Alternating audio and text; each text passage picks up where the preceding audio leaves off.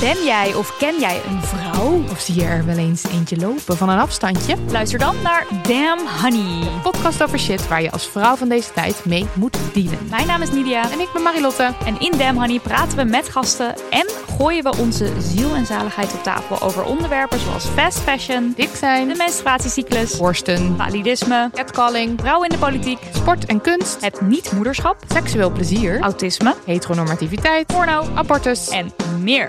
Elke zaterdag in je podcastfeed.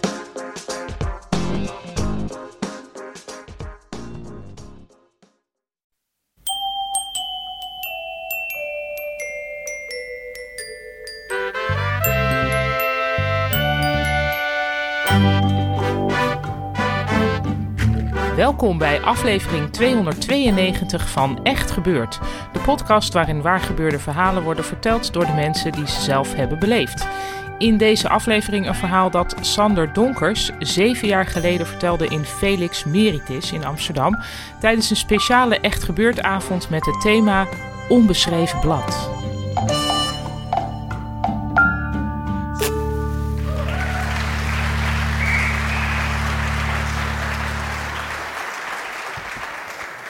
Dit is een verhaal over spijt. Maar voor ik daar terecht kan komen, moet ik eerst iets vertellen over een liedje en wat dat liedje voor mij betekent. Als ik iets had mogen kiezen in dit leven, dan was het een geweldige stem geweest. Zo'n diepe, zwarte, heese, echte soulstem. Een stem waarmee je mensen aan het dansen kan krijgen, of aan het huilen, of geil kan maken. Alleen maar omdat je gewoon je mond opentrekt. Dat leek me altijd fantastisch, maar het is iets wat je jezelf niet aan kunt leren. Het helpt misschien als je oefent, liefst in een kerkkoor, maar uiteindelijk is het een gift. En een gift, dat leek me ook wel wat voor mij, want dan hoefde ik tenminste niet zo hard voor te werken en dan kreeg je toch heel veel geld en dan zou iedereen ontzettend veel van me houden. Dus echt serieus, ik ben nu 46, maar als je het me nu zou vragen of ik mijn linkerbeen zou willen ruilen voor zo'n alles overrompelende stem, dan zou ik het serieus even overwegen en daarna waarschijnlijk verwerpen, want een linkerbeen dat is ook niet eh, mis natuurlijk. Toen ik eh, twintig jaar geleden in de journalistiek terecht kwam, na een wat moeizame carrière als eh, popmuzikant, had ik meteen een soort geheime agenda om zoveel mogelijk van dat soort zangers en zangeressen te ontmoeten. Om ze te interviewen natuurlijk, maar eigenlijk stiekem vooral om er gewoon een beetje tegen ze aan te kunnen schurken. En als ik het heb over dat soort zangers, voor mij specifiek gaat het dan om zwarte zangers uit de jaren 60 en dan ook nog uit het zuiden van Amerika. Dus meer Stax, Atlantic, Muscle Shoals en niet Motown. Dat is een beetje specifiek. Het is eigenlijk vrij aardig gelukt. Ik heb uh, Solomon Burke ontmoet, Al Green, Irma Thomas, Mavis Staples, Betty LaVette, Wilson Pickett uh, en nog een aantal die ik nu vergeet. Sommige van die mensen waren fantastische, warme persoonlijkheden. Andere, zoals Wilson, Wicked, Pickett, waren eigenlijk ontzettende eikels. Maar daar ging het niet om. Het ging om die kerfjes op de kolf van mijn pistool. Om het binnenhalen van zoveel mogelijk contact met mensen die ik bewonderde. In de herfst van 2001 hoorde ik dat Arthur Conley, iemand die ook op dat denkbeeldige lijstje stond, in Nederland woonde. Of all places in het dorpje Ruurlo in de Achterhoek. Misschien dat voor een aantal van jullie de naam Arthur Conley niet echt meteen een bel doet rinkelen, maar ik weet vrij zeker dat het liedje waarmee hij in 1966 wereldberoemd werd dat wel doet. En aangezien het me niet toegestaan is om een cassette recordertje te gebruiken bij deze ding, zal ik het helaas moeten zingen. Het heet Sweet Soul Music en het gaat ongeveer zo. Het begint met blazers.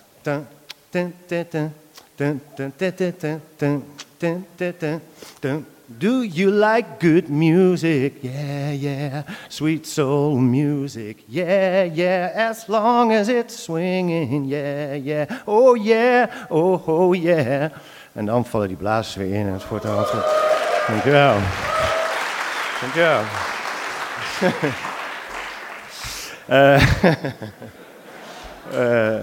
ik achterhaalde zijn telefoonnummer, ik belde hem op en ik had binnen een seconde door dat Arthur Conley een totaal ander type was dan al die andere soulzangers die ik daarvoor had ontmoet. Dat waren macho's, sterren, larger-than-life-achtige types. En Arthur was lief, breekbaar, zacht en een beetje een rare. Want ik moest bijvoorbeeld onze eerste afspraak afzeggen omdat ik ziek was. En dat was een beetje lullig, want het was op de dag zelf, dus veel te laat en zo. Maar hij zei, uh, oh baby, that doesn't matter, you know. We zitten nou toch al samen op dat pad en we gaan al ergens heen en het geeft allemaal niet. Zo. Dus hij, hij zoomde meteen in op een soort spiritueel verbond. Iets wat in de sterren stond geschreven tussen ons. En ik dacht, uh, mooi voor het verhaal. En het werd nog veel mooier toen ik uiteindelijk wel bij hem terecht kwam. Arthur Conley, die zich inmiddels Lee Roberts noemde, woonde aan de Groenloze weg in Ruurlo samen met een tapijtknoper die Jos heette. en met de moeder van Jos, maar die heb ik allebei niet ontmoet, dus ik kan dat niet echt bewijzen. Hij had een zolderkamertje dat volkomen afgeladen was met spirituele paraphernalia, met tarotkaarten en boeken over astrologie en numerologie en steentjes die allemaal een speciale betekenis had. Hij had twee kanaries die de hele dag onophoudelijk kwetterden, die heten Singer en Singer.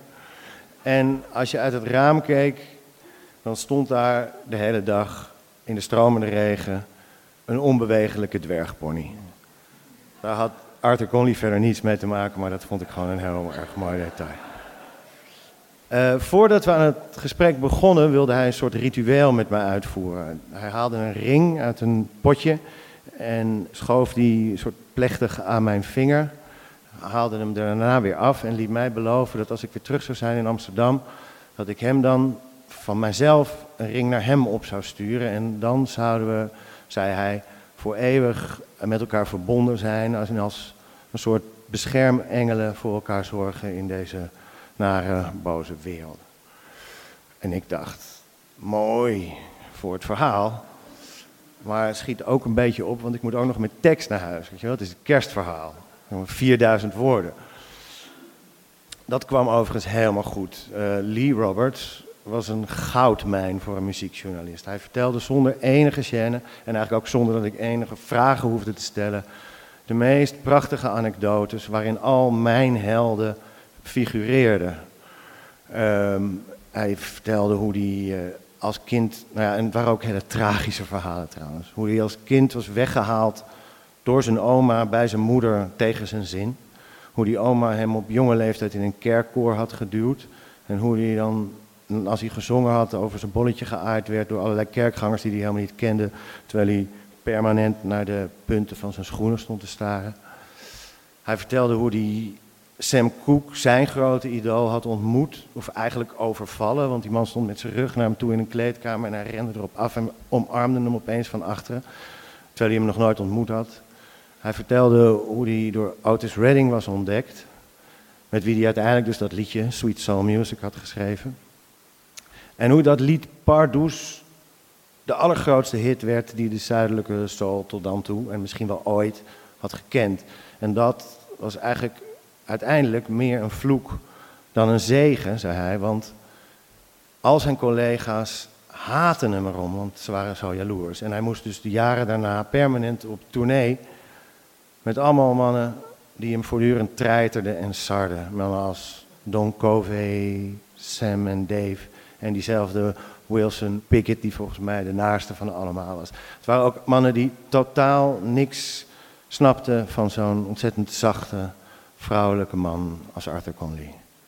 Het ging allemaal nog wel redelijk goed zolang Otis Redding hem beschermde, maar toen hij in 1967 doodging bij een vliegtuigongeluk en Arthur Conley zich tijdens de begrafenis hysterisch snikkend op de kist had geworpen, werd het treiteren en sarren alleen nog maar erger. En op een gegeven dag, platencontract of niet, pakte hij het vliegtuig naar Europa. Eerst naar Engeland, daarna naar België, naar Nederland. En hij is nooit meer terug geweest in Amerika. Hij nam een andere naam aan en hij voelde zich voor het eerst van zijn leven helemaal vrij. Dat vertelde hij allemaal. En toen ik vijf, zes uur later uitgeput in de auto stapte, terug te rijden naar Amsterdam, beloofde ik hem nogmaals dat ik die ring op zou sturen. En ik schreef dat ook op als laatste zin in het verhaal wat ik in de dagen daarna over hem schreef. Met als gedachte in mijn achterhoofd tussen het inleveren van het verhaal en het moment dat het in de winkel ligt, is er nog genoeg tijd om dat alsnog te doen. Maar ik deed het niet. En elke week schreef ik opnieuw in mijn agenda Ring Lee met een aantal uitroeptekens en dan deed ik het weer niet.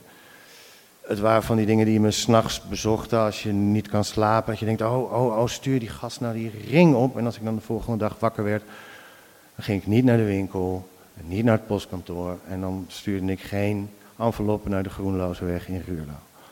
Hij ondertussen nam ons eeuwigdurende kosmische spirituele verbond wel serieus. Want eens in de zoveel tijd belde hij me op en dan zei hij: Hey baby, it's Lee and I'm just checking up on you. Just want to see how you're doing.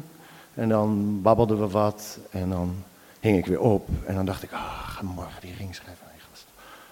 Maar ik deed het dus niet. Waarom ik dat niet deed, wist ik, weet ik eigenlijk niet. Misschien was het een soort angst om te intiem te worden met een man die, althans in mijn ogen, oh ja, dat was ik nog vergeten te zeggen. Het enige wat hij niet vertelde, was dat hij homoseksueel was. Hij was unisex, noemde hij zichzelf. En ik kreeg heel erg sterk de indruk dat dat dus iets te maken had met zo'n zwaar religieuze opvoeding in de jaren 40 en 50 in Georgia. Want God in Georgia in de jaren 40 en 50 die had het niet zo op homo's, om het heel zacht uit te drukken. Dus volgens mij zat dat hem nog altijd dwars. Nou ja, misschien was het dus de angst voor te veel soort van intimiteit te creëren met een man die, die homoseksueel was, terwijl ik dat niet ben. En angst om een soort idee bij hem te creëren dat ik iets van wilde. Misschien was het een afkeer van vage spiritualiteit. En misschien was het ook simpelweg het idee dat ik mijn verhaal al had. Het, het, het, het, het roofdierachtige aspect dat helaas de journalistiek zo vaak kenmerkt. Ehm, na anderhalf jaar en iets van zes of zeven telefoongesprekken waarin we praten over koetjes en kalfjes, bracht ik een boekje uit met verzamelde interviews waar het stuk over Arthur Conley Lee ook in stond. En de uitgeverij organiseerde een feestje en ik belde hem op om te vragen of hij misschien zin had om te komen zingen op dat feestje. Want dat zou natuurlijk wel super cool zijn, Arthur Conley op je feestje. Bijkomende idee was dat ik dacht, het is nu echt, echt, echt te laat om die ring op te sturen. Maar als ik hem tijdens die gelegenheid kan presenteren, als ik er een ceremonieel iets van kan maken, dan weet ik het misschien allemaal nog net recht te breien. En hij zei, uh, oh baby, you know, I would love to sing at your party, but you know, I have to go to the hospital for a while. Uh, als hij op tijd beter was, beloofde hij, dan zou hij uh, zeker komen. Maar ik hoorde niks meer van hem en ik belde andere muzikanten om te vragen of ze konden komen zingen. Ik kreeg mijn feestje en ik kreeg een paar goede recensies in de krant en ik voelde me een paar dagen enorm de gebraden haan. En ik dacht eerlijk gezegd niet meer aan Arthur Conley of Lee Roberts of aan een ring. Maar nog geen drie weken later las ik in de Volkskrant in de kantlijn een klein berichtje. Arthur Conley overleden aan darmkanker. Hij moet dus al doodziek zijn geweest op het moment dat ik hem belde, maar daar liet hij niets van doorschemeren. En ik realiseerde me dat ik definitief de kans verkeken was om iets recht te zetten waar ik anderhalf jaar mee rondliep en wat eigenlijk heel makkelijk was geweest. En dat mijn verhaal in Vrij Nederland nu echt definitief eindigde met een leugen. Ik kan het niet meer tegen hem zeggen dat het me spijt, uh, maar wel tegen jullie. En uh, zoals ze dan in die zwarte kerken in het zuiden van Amerika zeggen, omdat dat de boel op de een of andere manier lichter schijnt te maken. Can I get a witness?